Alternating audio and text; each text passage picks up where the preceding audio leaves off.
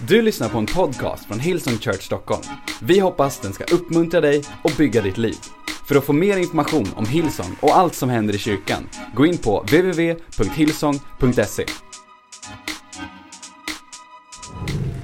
Alltså Jesus July, vilket juli vi ska ha, eller? Jesus July, jag ser fram så mycket mot det. Eh, missa inte, häng i där. Fyra stycken söndagar, fyra predikanter, eh, riktiga stories, testimonies. Mitt hjärta har varit så berört de sista veckorna när vi har samlat in testimonies om, om vad Gud faktiskt gjort och Jesus gjort i människors liv. Så häng in där. Juli månad kommer bli bra. Men det är inte juli än, det är ju juni, eller hur? Eh, jag ska predika om Jesus. Vi kan ha Jesus June också, eller? Eh, om jag säger så här, om jag säger din värsta dag. Så vad, eh, vad tänker du då? Tänker du så här, vad uppmuntrad du är att jag kom till kyrkan eh, idag?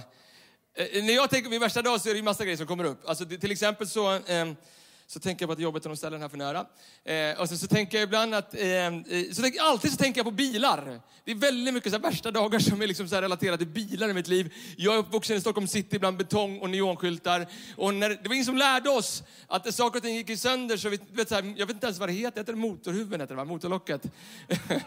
Men eh, du vet, så här, när det lyser lampor, eh, och på min tid i början då, när jag köpte min första bil så fanns inte Google heller. Så liksom, jag, vi lärde oss att ringa assistanskåren. Det var det så jag fick lära mig.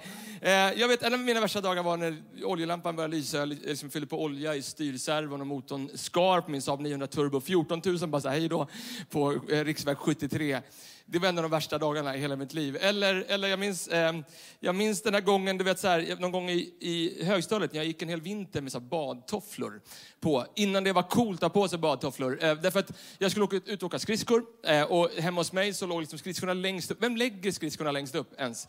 Vem kommer på det? Då kunde man antingen gå iväg och hämta en stege långt bort, eller så kunde man hoppa upp, få tag lite grann i ena skosnöret och sen så bara liksom fånga den i högerhanden och dra på den på, på, på skorna. Och det lyckades jag med ungefär 999 gånger av tusen. Men en gång så liksom tappade jag skridskon. Jag ser slow motion hur den bara går. Jag så här, skenan kan ju inte landa mitt på min stortå. Det kan den inte göra. Vad är chansen? Boom! Så jag kunde liksom bara plocka upp min så här, nagel efteråt och så gick jag med badtofflor. Eller den här gången som jag berättade om härom, häromdagen tror jag. Eh, på riktigt när du frågar mig vad är min värsta dag? Det är den där sommaren efter när jag kom tillbaks, jag gick klass 2B, lågstadiet, kom tillbaks efter en lång eh, sommar, var ihop med en tjej som heter Annie. Shoutout till Annie om du sitter och tittar på det här. Eh, och, eh, Annie hade växt 35 centimeter den sommaren. Vi hade haft sporadisk kontakt, ni vet hur det var på den tiden. Man hade liksom inte tät kontakt när man gick i lågstadiet. Kom tillbaks, hon har växt 35 centimeter, Erik Liljero 0 centimeter den sommaren. Hon var liksom två huvuden längre än mig. Försökte pussa henne, gick inte. Hon gjorde slut med mig före lunch. På lunchen blev hon ihop med min bästa kompis Ted. Och eh, det var värsta dagen i hela mitt liv.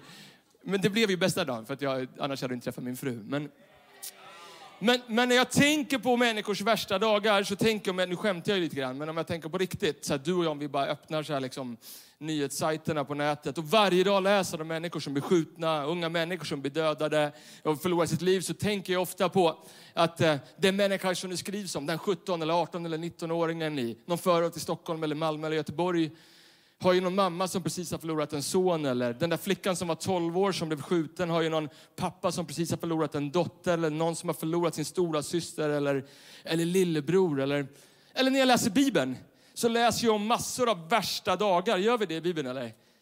Jag tänker för mig själv, undrar vad Abraham tänkte den där gången han var på väg upp och skulle offra Isak, det där miraklet som han hade haft och bett för hela sitt liv. Eller, eller hur David kände den där natten efter att han hade varit otrogen mot Batseba.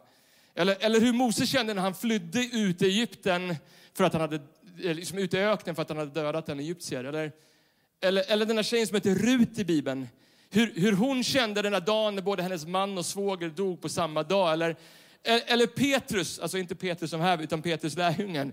Hur han kände efter att han hade förnekat Jesus tre gånger. Eller, eller, eller hur Maria kände när hon berättade för Josef att hon var gravid och Josef sa att jag tänker lämna dig. E-, eller jag tänker oftast på, du vet, runt korset, vid Jesu kors. När han, när han dör, när han säger det i fullbordat, han hänger på korset, så står det att Maria, Jesus mor, och Maria från Magdala och Johannes och kanske någon annan lärjunge var där vid, vid korset. Jag undrar vad de tänkte. Har du också tänkt på det? När han ropar det i fullbordat och så dör han. Jag tänker att de måste ha tänkt, vad är det som händer? Vi har ju följt dig i tre år Gud. Du var ju Messias, världens frälsare, räddare. Jag kan tänka mig att för dem så var det den värsta dagen i hela livet. Men lyssna här nu, för någon ska skriva upp det här i sin iPhone, i sitt anteckningsblock, i sitt hjärta. Lyssna på vad jag ska säga nu. Ibland så kan värsta dagen bli till bästa dagen. Okej? Okay? Värsta dagen kan bli till bästa dagen. Faktum är att eh, livet handlar liksom inte om att försöka undvika att saker ska hända dig, eller hur? Utan livet handlar om hur vi responderar till när saker kommer emot oss. Vem var det som lärde oss att bara för att det står, alltså, vet så här, vi blir kristna, då ska det inte längre storma. Det säger inte Guds ord. Det enda Guds ord säger är att när det stormar eller när vi går genom dödsskuggans dal så har vi någon att hålla i handen och hans namn är Jesus. Amen? På riktigt. På riktigt så är hans namn Jesus. Så när jag tänker på min värsta dag så tänker jag också att det blev min bästa dag. Kan jag predika lite ikväll? Eller? eller den här morgonen eller vad du än är. På riktigt. Bibeln säger att i psalm 30 att du förvandlade min klagan till dans, säger, säger David. Kan jag berätta om hur Gud förvandlade min klagan till dans? Hur jag var i dödsskuggans dal, hur jag var 22 år och var redo att ta mitt eget liv. Jag hade synd och skam och skit i mitt liv. Men Gud, vet du vad Gud gjorde? Han tvättade mig vit som snö. Han reste mig upp liksom, rakt i dödsskuggans dal. Han la en ny sång i min mun. Och när jag tänker på det så tänker jag att om han gjorde det för mig så kan han göra det för dig, eller hur? Han kan göra det för en tjej där hemma som sitter och lyssnar på mig just nu som skär sig själv eller för ett äktenskap som håller på att krascha eller för en mamma som ber för sina barn att de ska komma till kyrkan. Vet du vad, den värsta dagen kan, kan bli den bästa dagen. Och faktum är att Bibeln är full av människors värsta dagar som blir till de, som blir till de bästa dagarna. All right, det finns en enkel story. Jag har inte ens med mig en, en, en iPad idag. Jag har bara med mig en bibel. Men jag har också med mig en stor tro om att Gud kommer fylla rum alldeles strax. Stor tro om att Gud kommer röra vid människor som har, blivit, som har liksom längtat efter att Gud skulle röra vid dig under så lång tid. Det finns en enkel story, ganska konstig story, från Markus kapitel 5. Ehm, eh, och låt mig bara läsa några verser för dig, stanna upp några gånger och berätta hur du och jag kan liksom applicera på vårt liv och hur, hur vår värsta dag kan bli till vår bästa dag. Eh, står så här i Markus kapitel 5, vers 1. Häng med mig. Så kom de över till andra sidan sjön, alltså Jesus och hans lärjungar, till området kring Geresa. Eh, när Jesus steg ur båten kom en man emot honom från gravplatsen. Han var besatt av en oren ande och levde bland gravarna. Så vi stannar upp två sekunder bara. Så den här mannen, han är besatt av en ond ande. Står lite längre bort, eh, några verser senare, att han hade liksom en legion av demoner i sig. Det är ungefär 2000 demoner. Har du haft det någon gång? Jag hörde ett ja. Det är bra. Jag hoppas inte det. Man kan säga att den här mannen, det fanns ingenstans han inte hade varit, ingenting som han inte hade gjort, ingenting som han inte hade prövat. Han var, han var full av synd och skam och skit och det står att han levde bland gravarna. När jag läste det idag, bara liksom, jag har bara kommit en vers in, så tänkte jag så här, punkt nummer ett, någon ska skriva upp det till sig själv. Ingenting kan separera oss från Gud. Ingenting, spelar ingen roll hur mycket synd och skit och skam vi har. Ingenting kan separera oss från Gud. Mitt favoritbibelord i Romarbrevet kapitel 8 säger, för jag är viss om att varken död eller liv, varken änglar eller första, varken något som nu är eller något som ska komma, varken makter, höjd eller djup eller något annat skapat ska kunna skilja oss från Guds kärlek i Kristus Jesus, våran Herre. Vilket löfte! Ingenting kan separera oss från Gud. Men, men ibland så tror jag att vi hoppar in i Bibeln och så, bara, så läser vi, så åkte Jesus till andra sidan. Eh, och så glömmer vi bort att liksom sätta det i kontext. Därför gillar jag Markus bok väldigt mycket. Eh, Markus bok är den kortaste boken, det är bra. Så sammanfatt, det, är liksom, det är mycket sammanfattning, han svävar inte ut så mycket som Johannes gör. Eller går ner så mycket i detaljer som Lukas, utan det är liksom boom. Det är, liksom, det, det, det är bara the core. Liksom. Och, och, och, det är den första boken, även fast den ligger som andra, så det är den som skrevs först, evangelium som skrevs först. Och den skrevs i kronologisk ordning, så vi kan liksom bläddra tillbaka några kapitel och se vad Jesus gjorde. Well, I de första fyra kapitlen så har Jesus egentligen bara gjort några få saker. I de första två kapitlen så har han samlat sitt team sitt crew, sina tolv pers. Han har frågat Matteus och, och, och, och, Petrus och Jakob och Johannes och de andra. Hej, vill hänga på mig? Och han samlar sitt crew och sen så har han en första preach som går sådär eh, i, i Nasaret. Eh, och så han drar vidare till Kapernaum, som han bara, det här blir en nya hemstad. Och hans första predikan i Kapernaum, det står att det kom så mycket folk så han var tvungen att ro ut för att alla människor skulle se honom. Kanske 5, 10, 15 000 personer. När jag läser det tänker jag så här, att lärjungarna som precis hade liksom fått ta emot Jesus måste varit så här bara, vad är det för snubbe vi ska åka runt med? Du vet, jag tror, hade Instagram funnits så hade det varit liksom selfie mode på Petrus. Jesus is preaching up a storm. Hashtag the real Jesus. Eller? Eh, jag kan tänka mig att de måste ha varit bara wow, vad är det här för någonting? Och så står det att, de liksom, att de, det var så mycket folk så de flydde över till andra sidan sjön. Och när de åker till andra sidan sjön, i, i Markus kapitel 4, så börjar det blåsa upp en storm. Och, så att Jesus ligger och sover, de väcker Jesus och han, han talar till vågorna. Jag tänker för mig själv så här, att någon bara så här, att de säkert sa till varandra, bara så här, Petrus, fick du det här på film eller? Fick du med, alltså du vet, vad, vad, vad är det för kille vi åker runt med? Så först 10, 15, 20 000 pers. Sen några timmar senare, han, han talar till vågorna, och de stillar sig. Jag kan tänka mig för, för mig själv att så här, de har tänkt sig, vad är det på andra sidan? Alltså vad är det som väntar oss på andra sidan? Är det, 40, är det 50 000 pers? Alltså vad, hur många är det på andra sidan? Två dagar in liksom. I, I, min bibel så står de längst fram där i båten så här, vet, Petrus han var lite äldre, han lite sämre syn. Vem var yngst? Kanske Matt, Matteus och någon annan. Bara titta så här, vad, vad ser du Matteus? Är, är, det, är det 20, är det 30 hur många, hur många är det liksom så här? Eh, det är liksom en man som har liksom 2000 demoner. Jag vet inte ens hur en människa som har 2000 demoner ser ut. Men i min värld så tänker jag att de bara så här, det måste bli något fel Jesus. Det är liksom bara en här. Vi åker tillbaks, det var ju 15 000, alltså vi åker tillbaks till de andra. Vet du vad det säger mig? Och någon som skriver upp det här, att Jesus är beredd att släppa allt för att komma till dig. Han är beredd att släppa allt för att komma till dig. Och jag tänker för mig själv liksom att när Jesus ser liksom en läktare som det här, eller en crowd, och nu sitter i mikromötesrum, så ser inte han liksom en crowd, utan han ser liksom en Magnus, han ser en Ebo, förlåt, slår jag hårt Han ser en Fanny, en Rebecka, en Diste, en Nathalie, en Emma. Han ser en och en och en och en. Det är det han gör. Och så är det med dig också. Du kanske sitter hemma och undrar, ser Gud mig? Well, jag tror att Gud ser dig. För lyssna, vi läser vidare ifrån eh, Ifrån Markus kapitel 5, vers 4 står det så här. Numera gick det inte att binda honom ens med kedjor. Man hade flera gånger försökt binda hans händer och fötter, men varje gång hade han slitit sönder kedjorna och fotbojorna. Ingen kunde rå på honom. Vet du vad det säger mig?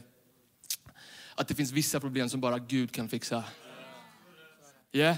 Jag säger inte att det är fel att gå och söka hjälp. Jag säger inte att det är fel att liksom försöka göra rätt och göra bot. Men det finns vissa problem och vissa människor som lyssnar på mig just nu. Du har försökt med allting men du har inte gått till Gud. Det står att man har försökt med allting. Dina föräldrar har försökt få dig att skärpa dig. Dina lärare har försökt få dig att skärpa dig. Hej, du, det är ert äktenskap. Ni har gått till counseling efter counseling efter counseling. Du har försökt att lägga bort de där synderna. Men det finns vissa saker som bara Gud kan ta bort från oss i våra liv. Står vidare i vers 5 att en natt Eh, och dag och natt så höll han till bland gravarna eller uppe bland bergen och skrek och, vad står det? Skar sönder sig själv med stenar. Vet du vad det säger mig? Punkt nummer fyra, att det finns bara vissa, vissa smärtor som bara Gud kan hela.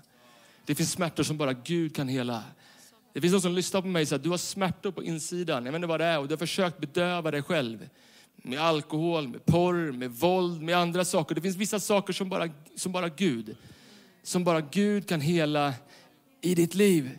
När du kastar dig på honom, när du låter din värsta dag bli till din bästa dag. Men det jag älskar med den här storyn, i vers 6, så står det att mannen, den här demonbesatta mannen, hade fått syn på Jesus redan från långt håll.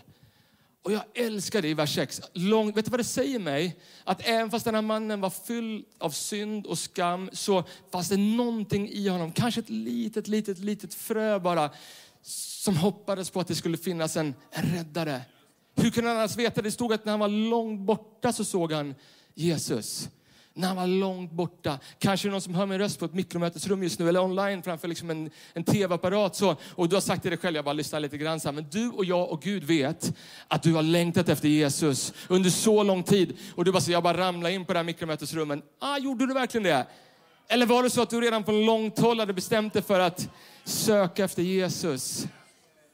Eller jag tänker i kontexten om jag får tala till vår kyrka två sekunder, du som sitter på mikromötesrum, eller inte ens är där, sitter hemma, jag har ingen fördömelse över det. Men, men du vet, människor letar efter Jesus. Punkt nummer fem, om du skriver när jag tittar på den här storyn. Människor kommer alltid leta efter Jesus. Och vem var det som lurade i oss och trodde att liksom under pandemin så skulle folk inte gilla att gå till kyrkan längre eller sluta tro på Jesus. 74 beslut förra söndagen i våran kyrka. Är inte det, fak inte det liksom fakta på att människor letar efter Jesus mer än någonsin tidigare? Men ibland så kan jag bli trött. Får jag vara ärlig två sekunder? Ibland så kan jag bli så trött på, på kyrkan, på Kristi kropp, de där en, två eller tre procenten som tror på Jesus Kristus som frälsare. För att vet, så här, vi hittar liksom en vers i Bibeln som vi säger, åh, Alltså håller vi verkligen med? Vet, så här, ja, hur tolkar du den versen så? Ja, men du vet, så här, grundtexten så läser man det här, så bara debatterar vi, debatterar och debatterar om en vers. Vi skriver insändare till dagen och världen idag, världen igår och allting annat. Vet, så här. Och, och, och jag tror att djävulen ibland bara, alltså, alltså jag behöver inte göra någon, jag kan ta semester, det är bara fortsätt. Jättebra. Men jag tänker för mig själv om vi verkligen vill bli hot, om vi verkligen vill ta mark för Jesus, låt oss lära oss ord som typ evangelisation. Att vinna våra vänner. Come on, det gick före pandemin, det gick under pandemin, det går också efter pandemin. Kyrkan har alltid tagit mark. Amen. Och folk har alltid sagt att det är över för kyrkan. Världskrig har försökt, politik, politiker har försökt, liksom, och man har försökt sätta restriktioner på vad kyrkan kan göra. Men kyrkan har alltid tagit mark. Alltid tagit mark. Och kyrkan har alltid byggts av vanliga människor som du och jag, som lever sitt liv för Jesus och som vet att människor kommer alltid leta efter Jesus. Men om vi inte predikar, hur ska de höra? Om vi inte är i den där staden på ett berg som Gud vill att hans kyrka ska vara, hur ska de veta? Vissa människor som kommer på våra mikromöten, under sommaren så ska du bjuda med dig folk på mikromötena igen. Eller vissa av er som sitter där hemma, vet du vad? Du ska bara ta dig till mikromöte, du ska gå dit tillsammans med en vän som du vet behöver höra om Jesus. Kom igen, människor letar efter Jesus. Okej, sjätte och sista saken. Häng med mig, Markus kapitel 5, vers 7, de sista två verserna. Mannen hade fått syn på Jesus redan när han var långt borta och kom nu och rusade och vad gjorde han? Föll ner för honom. Kom ihåg det. Föll ner för honom. Lämna mig i fred Jesus, du den högste Gudens son. Svär inför Gud att inte plåga mig. Och sen så, du som har läst storyn, du vet att Jesus han kastar de demonerna in i en svinjord. De försvinner bort från mannen och han blir helt fri. Och det står att han gick rakt in i staden och berättade för alla om vad Jesus hade gjort i hans liv. Men jag älskar vad det stod där i början på versen. Det som var breakthrough. Såg du vad som var breakthrough i den här mannens liv? Såg du det? Eller har du läst? Vissa av er, när jag läser några gånger så ni ser inte ens vad, vad, som, vad som var breakthrough i, i den här mannens liv. Vad gjorde han? Han föll ner inför Jesus. Vad var det? Var det demonerna? Nej. Alltså när jag läst Bibeln har jag inte läst om en enda demon som kan lovsjunga Gud. Det går inte, de kan inte göra det faktum att de ville inte göra det så, så, så Gud kastade ut Satan ur, ur, ur himmelriket. Det var inte en demon, det var mannen själv som föll ner inför Jesus därför att han ville lovsjunga och tillbe han visste att hans enda räddning var Jesus. Sjätte saken om du skriver, lyssna, sluta aldrig lovsjunga. Sluta aldrig lovsjunga. Sluta aldrig falla ner på knä inför Gud. Och är inte precis det en bild på lovsång? Bibeln är full av människor som faller ner för Jesus. Inte så här, utan desperat. Bartimeus han föll ner, ropade Davids son förbarma dig över mig. Eller de där tio spetälska männen som, som Jesus helade och en sprang tillbaka och föll ner på knä inför Jesus. Eller den där kvinnan med blöda sjuka som föll ner och fick tag i Jesus hörntofs. Eller, eller den där kvinnan i Matteus kapitel 15 som hade en dotter som var demonbesatt. Det står att hon hade försökt allting så föll hon ner på sina knä och hon ropade, Herre, hjälp mig. Herre, hjälp mig. inte det essensen av vad lovsång är? inte det essensen av vad ett liv med Gud är? inte det essensen av liksom hur en värsta dag blir till den bästa dag? I mitt liv så var det på knäna, desperat. För snart 20 år sedan, Herre, Herre hjälp mig. Kanske är det precis så Gud vill att vi ska komma till honom. Och kanske är det precis så våra värsta dagar blir till våra bästa dagar. När jag ser den här staden framför mig så ser jag tolv lärjungar som står förundrade och tittar på Jesus, vad han har gjort. Och jag ser en demonbesatt man som går ner på sina knän och som säger, Herre, hjälp mig. Jag vet inte vad lovsång är för dig, men kan jag berätta för dig att sällan de gångerna jag kommer inför Gud och lovsjunger Gud och känner så här, Gud, nu är det du och jag det här kommer bli fett idag. De flesta gånger Gud har rört mig i lovsången så har det varit, Herre, Herre hjälp mig. Men så många gånger när vi inte gör det, när vi inte vågar ropa till Jesus, Herre hjälp mig, så blir, det, blir vårt Herre hjälp mig till någonting annat. Det blir Herre, Herre varför? Herre varför? Eller Herre, herre jag skäms, eller, eller Herre jag har, jag har synd, eller Herre, herre jag har skam, eller Herre, herre jag kan inte. Men allt det Gud vill egentligen att vi ska säga är, Herre, Herre hjälp mig. inte det essensen av vad lovsång är? Herre hjälp mig. Någon där hemma eller någon på ett mikromöte. Du ska bestämma dig idag för att säga Herre, Herre hjälp mig. Herre, jag har försökt allt som går med Jesus, jag behöver att du hjälper mig idag. Någon som inte lovsjungit Gud på jättelänge, kanske glömt bort hur det är att tillbe Gud. Du ska också säga, Herre, Herre hjälp mig igen. Herre hjälp mig att öppna upp mitt hjärta för dig igen Jesus. Du ska se att Gud kommer storma in i ditt hjärta. Han kommer sätta dig fri. Han kommer röra vid saker och ting som du inte trodde var möjligt att flytta på i ditt liv. Amen. Kommer jag bort under det? ska du sluta dina ögon. Om du är på ett av våra mikromötesrum vill du sluta dina ögon också. Jesus, vi prisar dig Herre. Vi lovar att tillbe ditt underbara namn Herre. Tack för din heliga Ande, tack för din presence Herre. Tack för din närvaro rakt in i varenda rum just nu Herre. Rakt in i varenda mikromötesrum Herre. Kom med din närvaro Jesus. Thank you Jesus. Halleluja. Du har lyssnat till en podcast från Hillsong Church Stockholm. Om du vill veta mer om vår kyrka eller om våra söndagsmöten, surfa in på www.hillsong.se.